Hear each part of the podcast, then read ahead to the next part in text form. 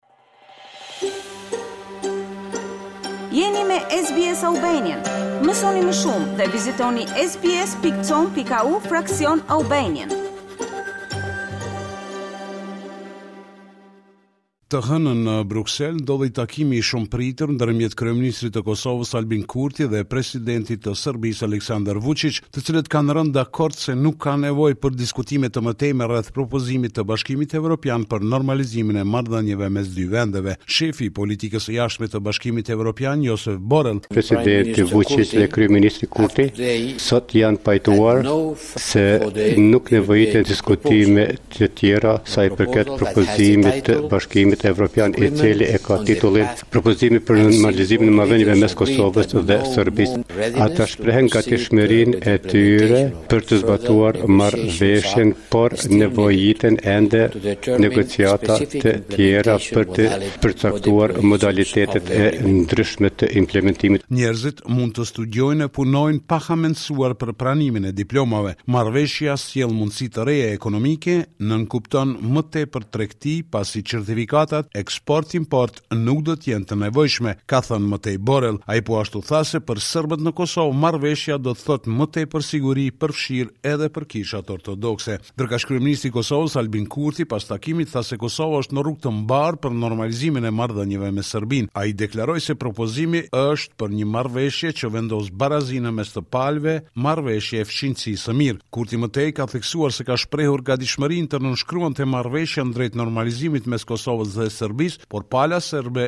nuk ishte e gatshme ta bënte këtë. Jemi në një rrugë të mbarë dhe njëkahëshe të normalizimit të marrëdhënieve ndërmjet Kosovës dhe Serbisë për fqinjësi të mirë evropiane. Unë nuk e kam nënshkruar sepse pala tjetër nuk ishte e gatshme për ta nënshkruar. Unë kam shprehur gatishmërinë dhe interesimin tim që ta nënshkruaj këtë tekst. Ndërkaq presidenti i Serbisë Aleksandar Vuçiq ka thënë se nuk është arritur asgjë në takimin trepalësh në Bruksel. Vuçiqi në adresimin për media ka thënë se aty janë dakorduar për të biseduar sërish, megjithatë ka thënë se së pari duhet të zbatohet Asociacioni. pasi sipas tij, ai është në rend të parë. Vuçiq ka potencuar se kryeministri Kurti ka refuzuar zbatimin e Asociacionit. Me të kthyer nga Brukseli, kryeministri Kurti ka komentuar takimin në Bruksel. Ai thotë se presin takime e diskutime të vështira gjatë muajve në vazhdim. Kryeministri Kurti thotë se nuk ka hequr dorë nga njohja në qendër nga Serbia dhe se nuk ka mundur ta publikojë planin franko-gjerman më herët për shkak se kjo ishte kërkesë e negociatorëve dhe i ftoi të gjithë që ta lexojnë e analizojnë planin pas publikimit zyrtar. Nuk kam hequr dorë nga asnjë qëllim, pra normalizimi i plotë i marrëdhënieve ndërmjet Kosovës dhe Serbisë bëhet me njohje reciproke dhe me reciprocitetin si princip. Diskutimet do të vazhdojnë sepse do të kemi tash negociata për planin e zbatimit. Është koha që qytetarët, politikanët, zyrtarët, ekspertët e profesionistët ta lexojnë vetë këtë tekst i cili ka pesë fjali në preambulë dhe njëmbëdhjetë nene gjithsej, realisht dhjetë nene, sepse i njëmbëdhjeti duhet të negociohet.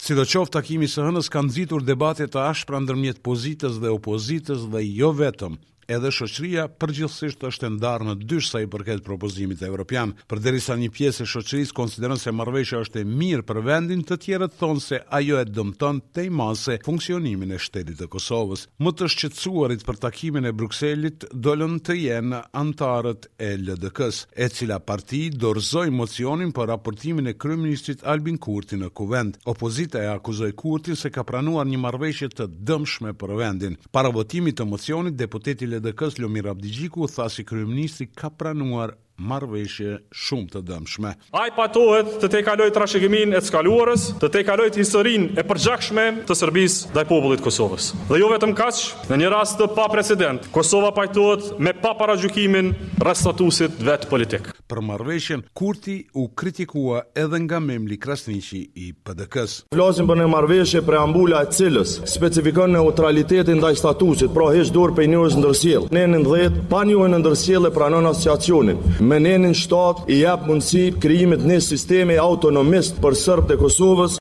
Akuzave të opozitës iu përgjigj kryeministri Kurti që tha se marrëveshja është e mirë dhe se ai nuk negocion asgjë në dëm të Kosovës. Premisa bazë e imja si kryeministër është që nuk do të lejoja të negocioja asgjë që nuk është përputhje me sistemin kushtetues e ligjor të Republikës apo diçka që synon territorializimin, monoetnicitetin apo krijimin e urave për ndërhyrje të Serbisë në punët e brendshme të Republikës së Kosovës. Deputeti i AAK-së, Besnik Tahiri, ndërkaq shprehu dyshime në lidhje me nënshkrimin e propozimit evropian. Unë dyshoj që ti në moment t'funit ke me u tërhjek, se je tërhjek prej gjitha kauzave politike. Opozitarët kritikuan kryeministrin edhe për krijimin e Asociacionit të Komunave me shumicë serbe.